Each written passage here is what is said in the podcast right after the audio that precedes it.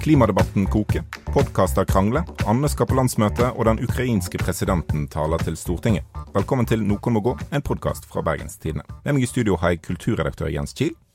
Bonjour. Eh, og så har jeg med meg, eh, eller ja, vi har alle med hverandre, eh, det gode mennesket fra Olsevik, Anne Rokkan. Hei, hei.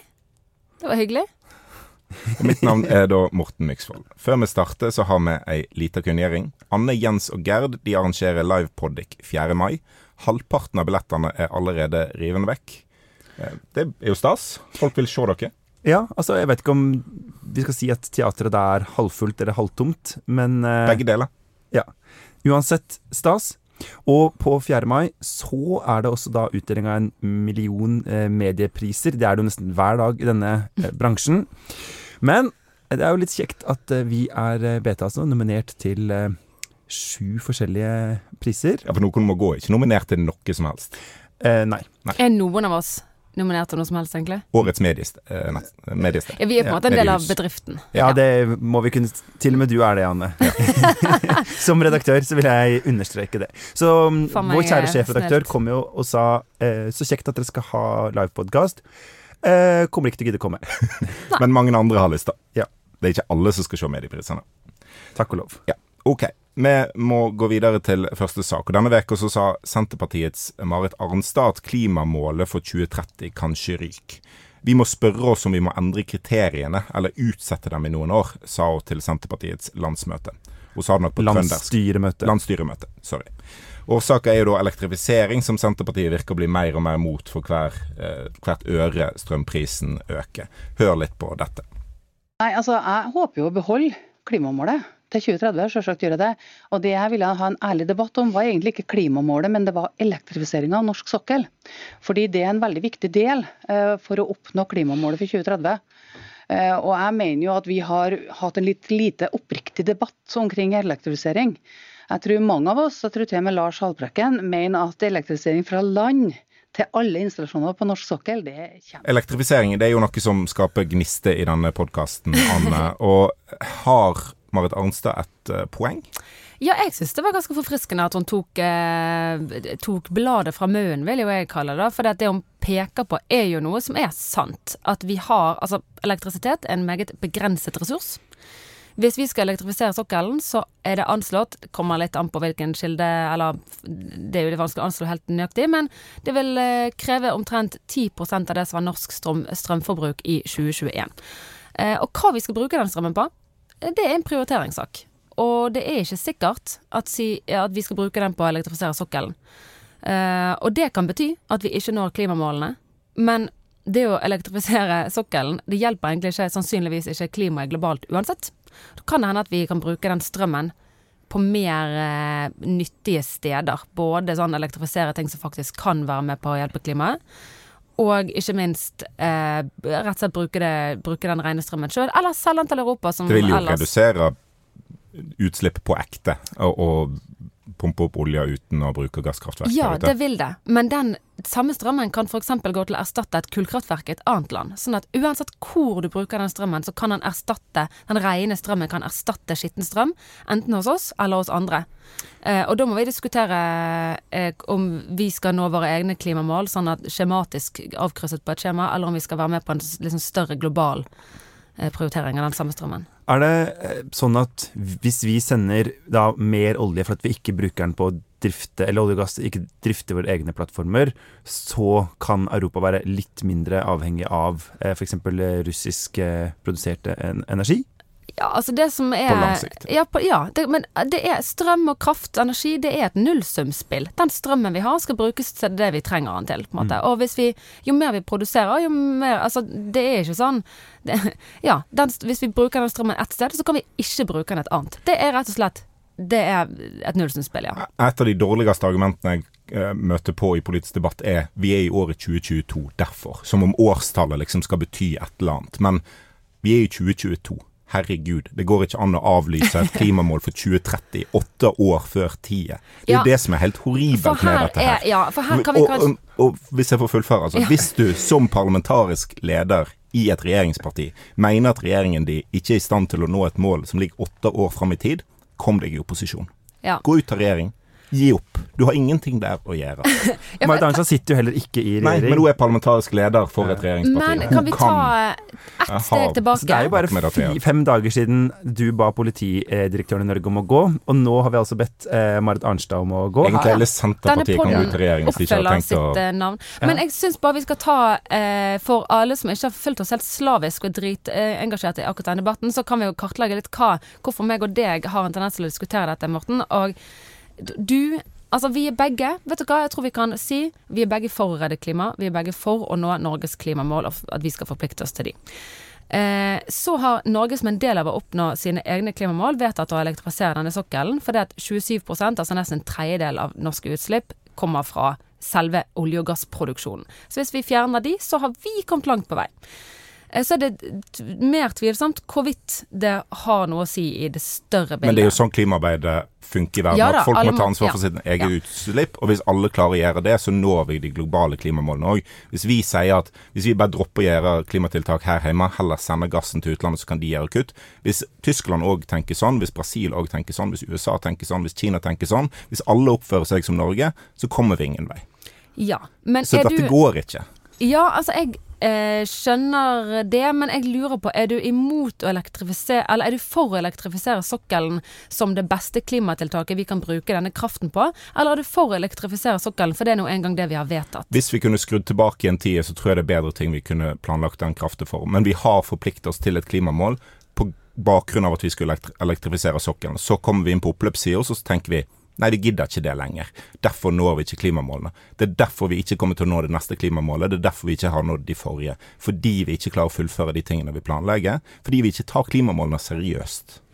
Ja, for jeg tenker jo at eh, klimamålene, de må vi jo bare nesten nå. Og hvis Marit Arnstad vil avlyse dette, så må hun på en måte eh, pålyse, som det ikke heter, noe annet som vi kan Mm. gjøre i stedet.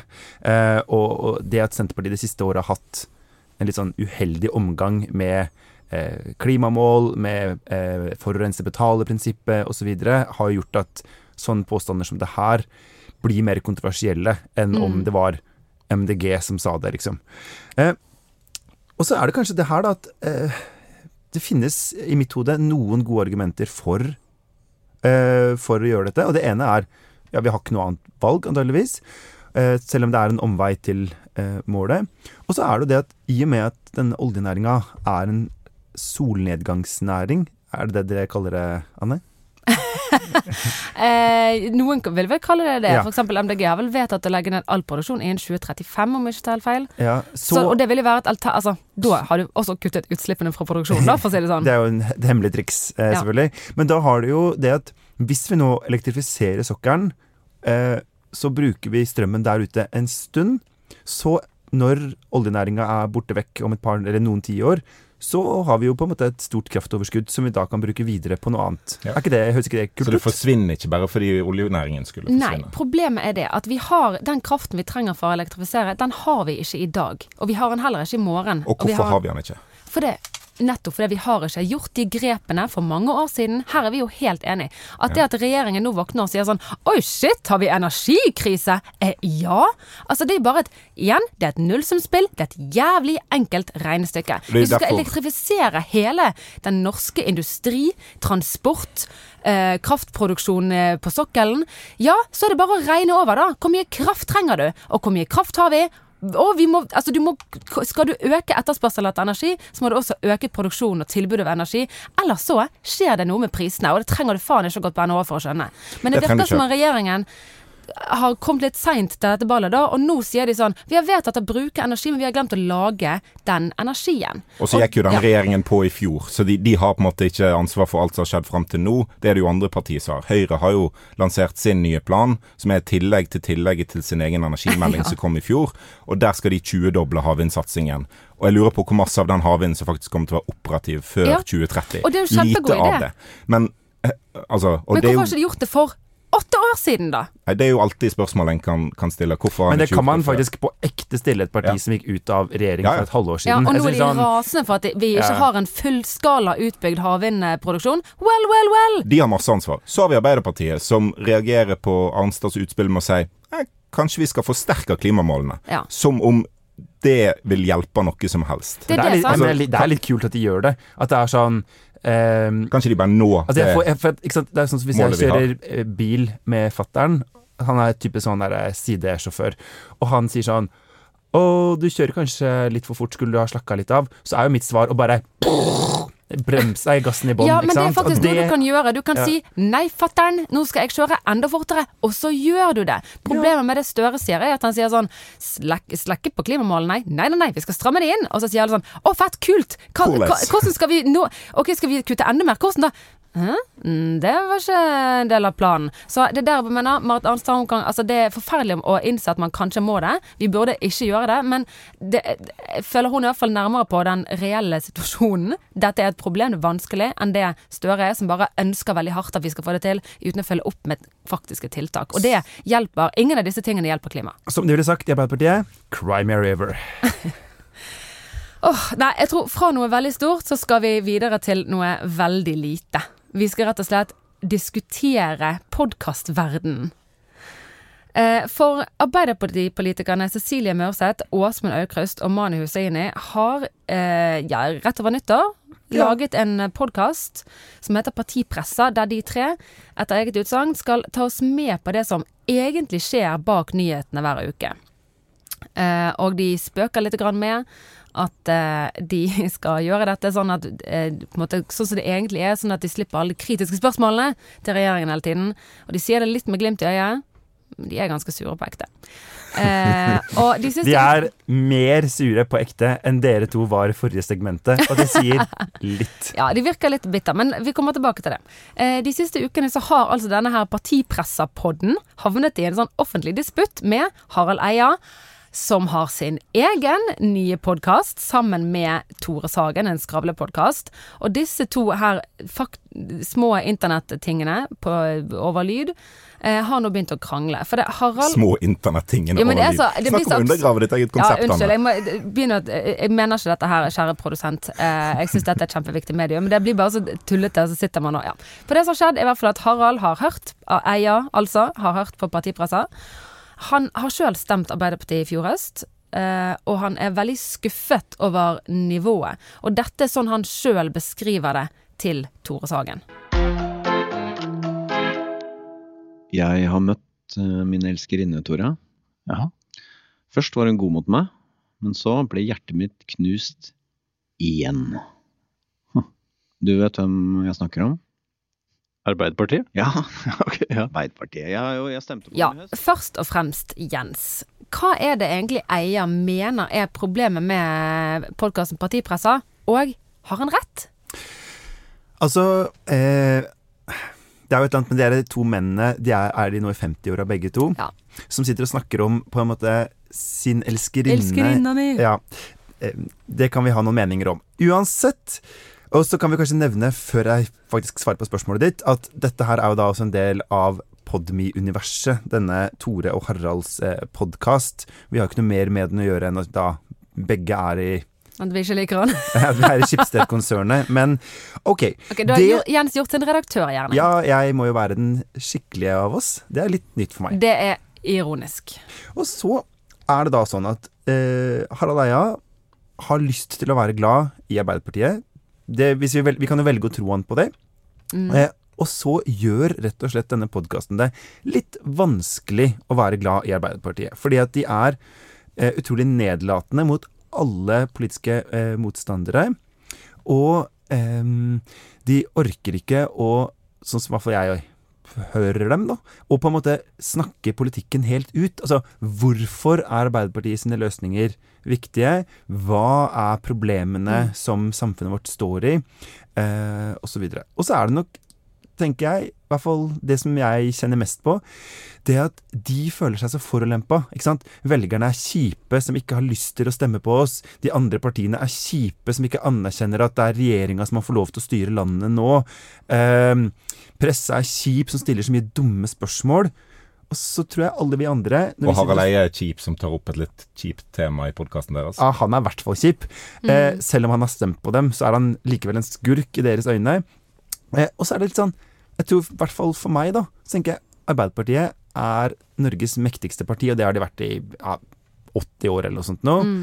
Eh, og nå sitter de tre representanter for nasjonalforsamlinga og føler seg liksom som sånn underdogger. Og det er ingenting som er mindre underdog i Norge enn det norske Arbeiderpartiet.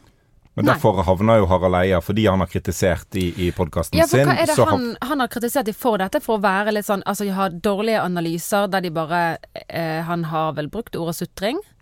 Istedenfor at de faktisk tar oss med bak nyhetene og forklarer hva som egentlig skjer. Ja, så partipresset inviterte jo Harald Eia til en prat. De pleier å ha 15 minutter lange episoder. Denne episoden Kan med Harald Eia si ble 30 minutter. Det eh, og uh, samtalen varte i 60 minutter. Så det er alle som kan matte, vet jo at det er en halvtime svinn her. Og det er jo det det konflikten eh, mellom Harald Eia og partipresset nå handler om. Og hva var det de ikke snakket om i den podkasten, Jens? Det de ikke Altså det de Jo da, eh, den apokryfe, eh, forsvunne dødehavsrullen av en Altså, det dere prøver å si, er at partipresset valgte å klippe podkasten sin ned til 30 minutter av en 60 minutts prat. Ja, og der snakka de egentlig om eh, metoo, Trond Giske og den nye dokumentarfilmen 'Makta rår'. Og Om det Trond Giske bare ville de ikke ha med. Ja, De mente at rett og slett at det ikke var aktuelt. Eh, eh, partipresset handler om ukas mest aktuelle saker. Eh, den dokumentaren var ikke aktuell fordi de tre medlemmene i partipresset hadde ikke sett filmen. Så det blir jo som om hvis du ikke ser Dagsrevyen på ei uke, så har det ikke skjedd ting. Det er jo Det er også veldig spesielt at de sier sånn Ja, og vi kommer vel ikke til å se den heller. Så det er sånn unison enighet om de Så blir det sånn OK, De partiet ditt har vært gjennom en enorm skandale som du ikke har lagt bak deg. Så har noen giddet å lage en dokumentarfilm om stridens eple. Og den har ikke du tenkt å se? Hun, Hvorfor Cecilie, ikke? Why the fuck not, liksom? Cecilie Myrseth, som da er kvinnen bak dette hyppig brukte uttrykket 'Crime a River', hun eh, sier så det finnes ingen Trond Giske-fløy i Arbeiderpartiet i dag. Mm. Og det tenkte jeg sånn eh, På en måte så tror jeg kanskje at de har mer rett enn de vil innrømme når de sier at de tar oss med til det som egentlig skjer. For jeg tror på en måte at, at det er sant, mye av det de sier, at det er sånn Arbeiderpartiet i dag ser på verden. At de bare fornekter eh, problemene de står i. De sier det er god stemning i Arbeiderpartiet. Og det må Arbeiderpartiet innfinne seg med. Alle Ja, men- andre må også skjønne at det er god stemning i Men Arbeiderpartiet. Trond vi Giske, Trond Giske var jo nettopp ute og sa at uh, liksom, mange av disse AUF-erne er jo ikke med i partiet lenger. Det er han. Uh, og vi kan jo lure på hvorfor mange unge AUF-ere ikke lenger er med i det partiet der.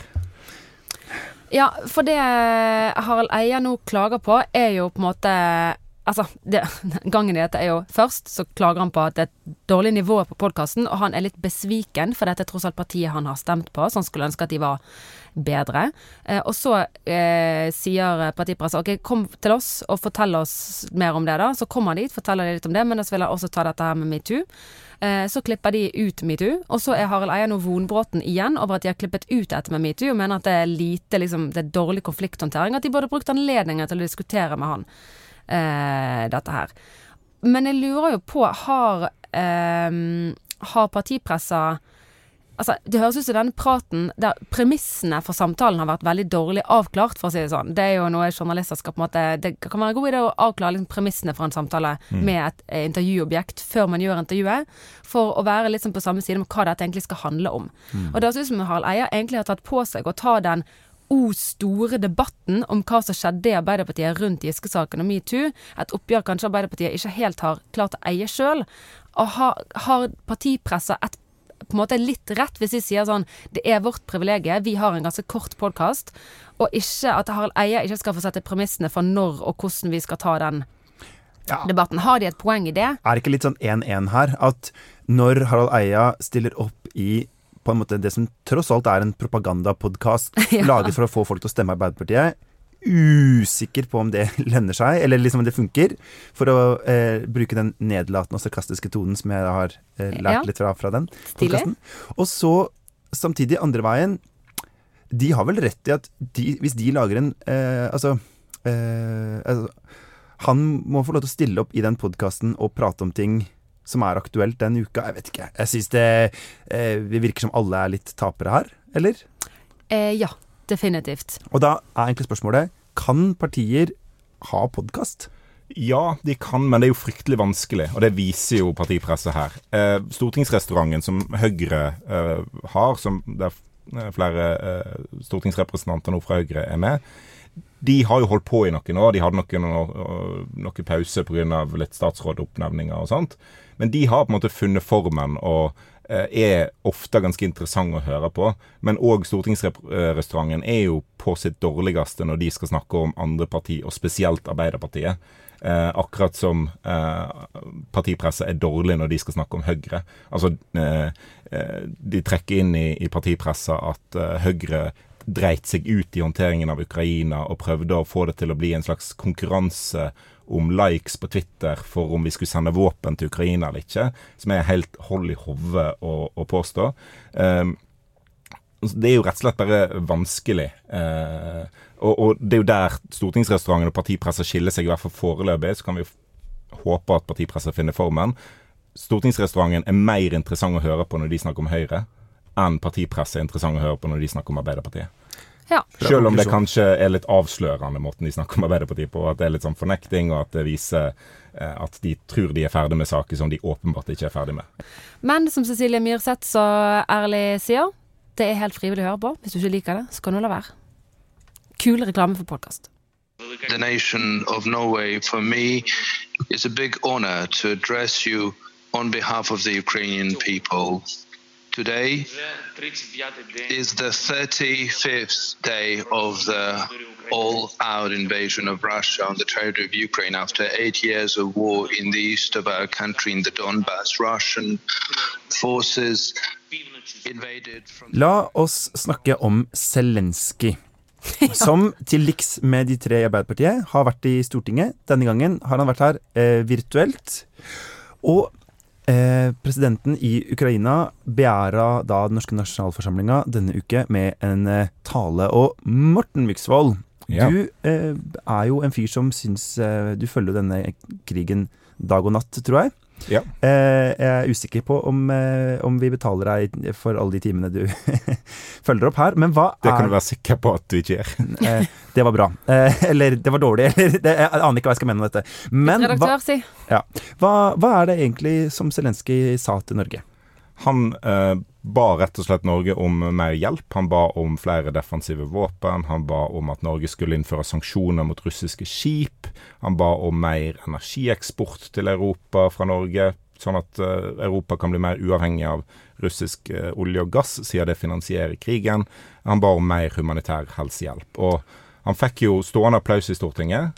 Eh, rett før talen meldte regjeringen at en allerede hadde sendt en ny forsyning med eh, panservernraketter til, til Ukraina. Uh, men rett etter talen sa Støre at sorry, vi kommer ikke til å stenge norske havner. Talen var ikke så god, kan en nesten tolke det sånn. Men var det, altså, Dro han også den norske kongerekka? Ja, han, han, var litt innom eh, kongesagaen. Eh, siterte vel Snorre litt grann, uh, og, og, viste til eh, Poenget var å vise til den felles ukrainske-norske historien. Det er okay, en taleskriver ikke, som har gjort jobben sin her. Eventuelt har ja. Zelenskyj for mye tid nede i bunkersen sin. for det er, en, det er en kobling mellom norske vikinger og Ukraina sin opprinnelse som, som det såkalte Kiev-riket. der norske vikinger var en sentral del. Ukraina liker å påstå, og de har jo rett i at uh, Ukraina var en idé før Moskva og Russland eksisterte. Uh, så det går uh, åpenbart langt tilbake. Ok, Men eh, bare fordi det er ikke alltid at det at norske vikinger har vært et sted, er sånn, en sånn gullskriftdel av no norsk soge. Hva, hva slags Hva drev vi med der borte? Er lov å spørre om det uten å Nei, altså det, det har jeg ikke snakka med noen av de som har vært der eh, på de vikingtoktene. Så, så detaljinformasjon har jeg ikke, ikke, her og nå. Og det er jo klart, dette var en veldig kortfatta historie eh, om, om at Norge og Ukraina rett og slett har lang felles historie. Han var òg innom at uh, den første soldaten, sovjetiske soldaten som krysser grensen i Finnmark under frigjøringen under andre verdenskrig, var ukrainsk. Og Det er jo òg en viktig historieleksjon. for vi hadde, en, vi hadde, en, debatt i Norge for et par år siden om Vladimir Putin skulle inviteres til Finnmark for eh, markeringen av frigjøringen av Finnmark, fordi det var så mange russiske soldater som hadde eh, hjulpet, og fordi Russland hjalp Norge Eh, ut av eh, eh, nazistisk okkupasjon. Og der blander en jo ofte sammen sovjetiske og russisk, og, og, og behandler det som likt. Ja, jeg blander alltid det. Og det, ja, men det er et historisk problem, fordi det, det devaluerer Ukraina som nasjon, annet, i lag med ganske mange andre sovjetiske republikker. Så vi har en eh, historiker eh, fra Voss, Øystein Brekke, som sier at der står det en minnestein med sju navn. Fire av de er folk fra Ukraina. Eh, for å minne de, så har en eh, oppkalt en vei på Voss etter disse. Den heter Russervegen. Eh, fordi alle sovjetere tydeligvis er russere. Eh, og det, det var han veldig tydelig på, at Ukraina finnes Ja. eh, og må ikke viskes ut. Ja, inntil videre. Men kommer det til å komme noe ut av den talen, eller var det bare show, og så fikk eh, ikke minst norske politikere anledning til å stå og klappe veldig lenge for å vise hvor store hjerter de har? Nei, altså, våpensendingen var jo planlagt før. Eh, I hvert fall talen ble holdt. Altså, vedtaket kom i hvert fall i forrige uke, eh, om ikke før. Eh, og, og det har Stortinget vært orientert om eh, før det ble offisielt. Eh, og jeg tror jo at Norge kommer til å fortsette våpenleveranse, uavhengig om Zelenskyj taler til Stortinget. Jeg syns jo det er litt unødvendig at han er nødt til å bruke tid på oss for at vi skal fortsette å bry oss om Ukraina. Jeg er jo redd for at det blir en slags eh, krigstrøtthet blant oss som egentlig ikke merker krigen. Eh, og at vi blir litt lei og ikke Det er ikke så masse nytt og spennende lenger. Nå har måte vi fulgt med på dette i en måned. La oss fokusere på andre ting. Eh, så Derfor er det nok nødvendig at han reiser rundt eh, digitalt og, og holder sånne taler. For Ja. å minne oss på hva som faktisk skjer i Ukraina. Men altså Han er jo da den første eh, utenlandske statslederen som får holde en tale i eh, Stortinget. Og det er klart, det er en krig, og dermed er det også en propagandakrig. Og eh, folkens, vi, eh, vi gjør jo så da vår egen nasjonalforsamling til en, eh, en skueplass for eh, den propagandaen. Og det er kanskje riktig akkurat her og nå, men er det, er det en god vei å gå for Norge? Altså I de tilfellene en europeisk stat blir angrepet pga. oppdikta nazistbeskyldninger, at vi da kan eh, sende våpen dit, hjelpe de, invitere statslederen til å tale for oss. Jeg tror ikke, og jeg håper jo ikke at presedensen blir så veldig omfattende. At det er så mange andre presidenter som er nødt til å tale til oss på det grunnlaget, at Russland har invadert de. Um, eh, så, så jeg er ikke så redd for at det skal få noe sånn problematiske uh, følge. Terskelen Kan er det komme noe sånn backlash her på et punkt? At, uh, altså Nå er jo Zelenskyj en folkehelt helt eh, enormt eh, sett opp til å beundret og liksom ukritisk uh, selvfølgelig heiet på nå. Altså Jeg bare tipper at uh, tatoveringssjappene på sånn uh, Ayia Napa, Bloody Beach i Bulgaria og sånn til sommeren, mye Zelenskyj det kommer til å gå i. Altså Det er jo alltid en fare. Altså Folk er jo komplekse vesen. sant? Han er jo ikke en, han er jo ikke en helgen. Vi tror jo ikke på, på sånt i, i, i Norge, at folk er udelt liksom perfekte eller gode. Så han har jo sikkert sine problematiske sider. Eh, altså Winston Churchill er jo en eh, krigshelt og en legende i Europa for måten han styrte Storbritannia på, og eh, kampen mot nazistene her. Det er andre plasser i verden han blir sett på med litt andre øyne. Ja. Men det begrenser på en måte ikke hans bidrag til frigjøringen av Europa. Og uavhengig av hva som eventuelt skulle være problematisk Men det hadde jo vært digg hvis Churchill greide å være med å frigjøre Europa uten å bedrive folkemord andre plasser i Absolutt, verden. Det tenker jeg vært sånn Og det har jo ikke Zelenskyj gjort. Sant? Så han har jo ikke så mange svin på skogen som Churchill hadde uh, under andre verdenskrig fra før. Uh, så han er nok mer på en måte udelt god. Jeg tror ikke faren for å måtte, klistre seg tett opp til Zelenskyj er så, så veldig stor. Fordi at i krigen nå, så er det det det handler om. Mm. Eh, I, det er en grunn til at Churchill ikke var en uh, stor etterkrigsstatsminister i Storbritannia. Uh, det er ikke det han blir huska for. Men han fikk snakke i Stortinget i 48, eller? Ja, Som, ja, som opposisjonsleder egentlig i Storbritannia. Og det var jo pga. på grunn av eh, den innsatsen han gjorde under andre verdenskrig, eh, som var veldig viktig. Altså, eh, du har jo tatt til orde da for at eh, solidaritet, det er å sende våpen nå. Ja. Eh, og det er jo litt sånn der, For meg er jo solidaritet mer sånn å melde seg inn i fagforeninga eller strikke noen sokker eh, til eh, Kamerun. Eh, så litt sånn eh, eh, Er solidaritetsbegrepet i ferd med å begynne å skli, eller er det dette som er Er det håndgranater som er solidaritet i Europa i 2022? Altså Når det er sokker en trenger, så er sokker fin solidaritet. Eh, Ukraina trenger panservern, de trenger antiluftskyts, de trenger antiskipsmissil, de trenger ammunisjon, de trenger alt mulig av beskyttelsesutstyr, matrasjoner, for å fortsatt eksistere som stat og nasjon. Så du mener at, eh, at liksom indremisjonskvinnene på Stridelandet burde gå inn i rustningsindustrien? Nei, nei. Eh, De, de, trenger jo, de trenger jo klær òg. De trenger alt mulig. sant? Og den norske stat kan bidra med den hardeste solidariteten. Eh, våpen. Eh, solidaritet er materialistisk, våpen er materielt. Eh, det, kan, det kan vi, vi godt sende. Ja. Enda mer av. Men vi skal gå videre til eh, vår faste spalte og Vestland. Og hvor har du tenkt å ta oss med i dag, Jens? Du, eh, i dag skal vi eh, til det mest sentrale stedet på eh, Vestlandet, nemlig Gardermoen. Mhm. Og eh, dit skal vi sende vår eh, beste kvinne, nemlig Anne Åse Rokkan.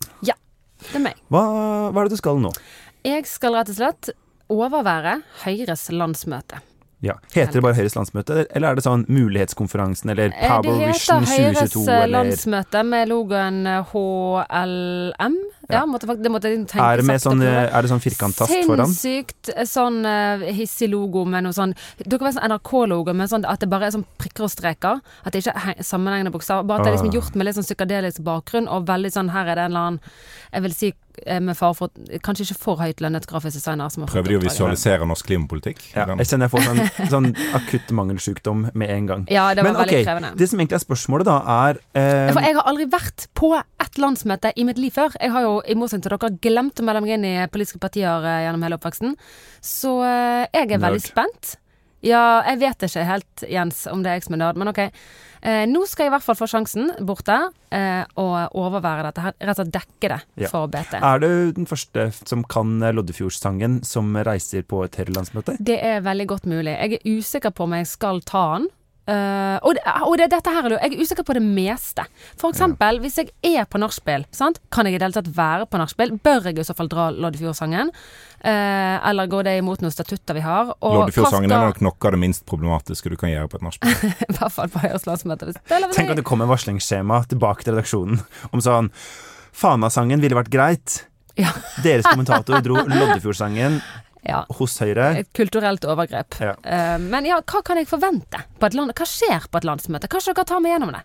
Altså, for det første så er det jo sånn at eh, du kommer til å oppdage at eh, veldig mye er ganske kjedelig. Du, det, eh, er en grunn for at jeg ikke meldte meg inn i politiske partier. Fordi ganske mye på et landsmøte er jo ikke et show for pressen, men er sånn eh, opprop, godkjenning av eh, fullmaktskomité, ja, veldig mye sånt noe. Ja, nå er det jo ikke et valgår, men er det dette landsmøtet, hva er poenget med det? Er det å vedta politikk? Altså, er det Det er jo Norges fremste politiske verksted, som alle partier kaller sitt landsmøte.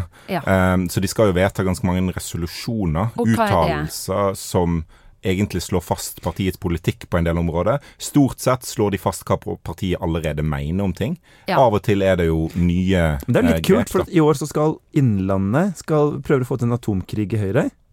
Ja, eller atomkraftdebatt, atomkraftdebatt, i hvert fall. Ja, Ja. for uh, Erna Solberg har vært ute og sånn sagt nå til dags Jens uten at folk river av seg eh, Ja, ja, for blir det sånn derre eh, BT-podkast kolon varsler atomkrig på Elverum.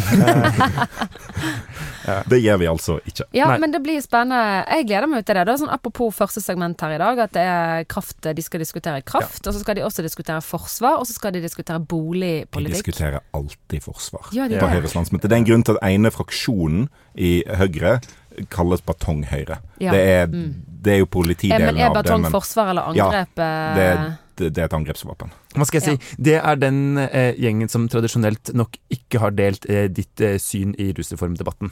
Eh, går det an å Det tror jeg vi kan si. Du vet dere nå, jeg deler jo en del av Batonghøyre mitt syn i rusreformdebatten. Jeg bare nevner det som et Ja. lite personlig gjennomslag. Ja, Siden rusreformdebatten er mitt, mitt private Altså, verk. eh, det er jo Scoop-konferanse også til helga. Ja. Eh, og Aftenposten har jo nå oppheva sitt eh, nachspiel-forbud for sine journalister. Ah, ja, har vi et nachspielforbud? Eh, vi har ikke et eh, nachspielforbud. Okay. Men eh, vår eh, Hva heter det for noe? Regjerende sjefredaktør? Ja. Eller altså Ja. Vår, vår sjefredaktør. Ja. har jo sagt at eh, eh, du skal helst ikke ligge med kildene dine. Uh -oh. Helst ikke. Helst ikke. Ja, men ja, for der har jo jeg et, en utfordring. Eh, I og med at jeg er samboer med min beste kilddyr. Nei. Uh, jeg vil anbefale å ikke uh, Han skal ikke på landsmøte, da. Nei. Ja, så kanskje sånn som kan oppfylle vedtekten. I hvert fall i helgen. Ja. Eh, men er det ellers noe å være forberedt på sånn på, på, på, kveldstid? Altså, hva skjer, hva, hvordan er det sosiale? Hvordan er festen? em, Høyre er jo ganske bra på Men- kveldstid. Men de er ikke så bra som de selv har lyst til å være. Altså, de, veldig mange kommer bort De er ikke Senterpartiet og Frp. Nei, og kommer bort og sier sånn Er ikke dere enige at vi i Høyre har den kuleste festen av alle partier på landsmøtene? Og så svarer man sånn Jo, da får man ikke orke å si sånn. Eh, det å se liksom Jan Tore Sanner danse til en idolartist fra 2008 som kom på fjerdeplass, det er liksom ikke Ja. um, det, er jo, en- det er jo en grunn til at du skriver timer mens du er der. Jeg var på et Senterparti-landsmøte for et par år siden på Hamar, og da hadde de storband etter middagen, og det, det var stort. Ja, er, hvem er det som har de beste landsmøtene? Senterpartiet og Frp. Er- Herregud, Å, det det kan jeg så se for meg! Altså På dagtid er Senterpartiet litt sånn dørgende kjedelig. Altså Det er kjærlighetserklæringer til liksom eh, Ikke drivhuseffekten, men den der eh, eh, Det som gir ting grønt. Det som får planter til å gro. Eh, eh, ja, fotosyntesen. ja. Fotosyntesen. Tusen takk. Okay. Det er lenge siden jeg har vært på Senterparti-landsmøte. Jeg trenger oppfriskingskurs. Ja, ja, ja, ja. Nei, det er Lundteigen spesial, det der. Ja, det var mange. Eh, altså Like kjærlig eh, til fotosyntesen der som 2%-målet i Høyre altså, på sånn- Nato-forsvars... Sen- okay. Ok, Et sånt ok. Senterpartilandsmøte i um, Haugesund, hvor de under åpninga så hadde jeg et slags sånn lokalt eh, roots-band. Og satt, folk satt liksom og trippa fremst på stolene, og så etter ca. halvannet minutt så sier han vokalisten bare Yes, og da er det oppe og danse, folkens. Og 450 senterpartister som bare reiser seg i en trøtt kongresshall klokka halv ett på en fredag tidlig ettermiddag. Og alle kan jo danse, ikke sant? Ah. Alle elsker dette. Alle danser i hvert fall. Ja, ja, ja. Nei, men de kan jo danse, og de, for de har jo Lykke gått i ungdomslaget. De Eller, kan å danse, Ja, sving, da. som er litt sånn egen eh, måte Altså, vi ville Ja. sagt sånn de, du, du kan danse hvis du skulle danse på byen, men det å kunne å danse høres ut som en mer sånn ja, men du kan, Kan du altså, hvis, hvis du liksom eh, eh, Hvis noen sier sving, så vet du at det er noe annet enn vals, på en måte. Ja, jeg skjønner. Ja. Nei, men synd ikke det skaper, da. Men på dagtid, på dagtid så er jo måtte, det er viktig å vite at det er inne i landsmøtesalen det viktige skjer, men det er ofte mest interessant utafor. Ja. så det er greit å, å være litt, uh, være litt utafor òg. Der, der Ja. er folk ofte veldig snakkesalige. Inne i salen så må du um, belage deg på veldig mange referanser til det å være liberal-konservativ. Det er foreløpig ingen som vet hva det betyr. Eh, men de fortsetter å snakke om det, i hvert fall i, i. Høyre. Og under middagen så er det ofte um, kongens uh, skål. Ja, det har jeg hørt. Hva er det? Rett og slett en En skål, skål til kongen. Ja. Og Å da ja, må ikke øve på en sånn sang eller noe sånt. Nei, men du får jo først Altså under Kommer det en fyr i militæruniform opp på Høyre sitt landsmøte? Nei, det har pleid å være stortingspresidenten, tror jeg, som har stått for det for før om, Ja. i om åra. Ja, for Frp var det ofte en eh, som kledde på seg en militæruniform. Ja, men noe sabel og noe opplegg. Ja, Ja, ja. det var litt mye. Men de sender, startet landsmøtet med å sende et telegram til kongen og si hei, vi har landsmøte. Og så etter en stund så kommer det et telegram tilbake fra kongen som sier sånn ok. Eh, Godt, godt og så leser, leser de opp det, og så tar de en skål. Eh, og da kan du tenke over om du har lyst til å være med på den, eller om du vil følge eh, BTs eh, syn på kongehuset på lederplass.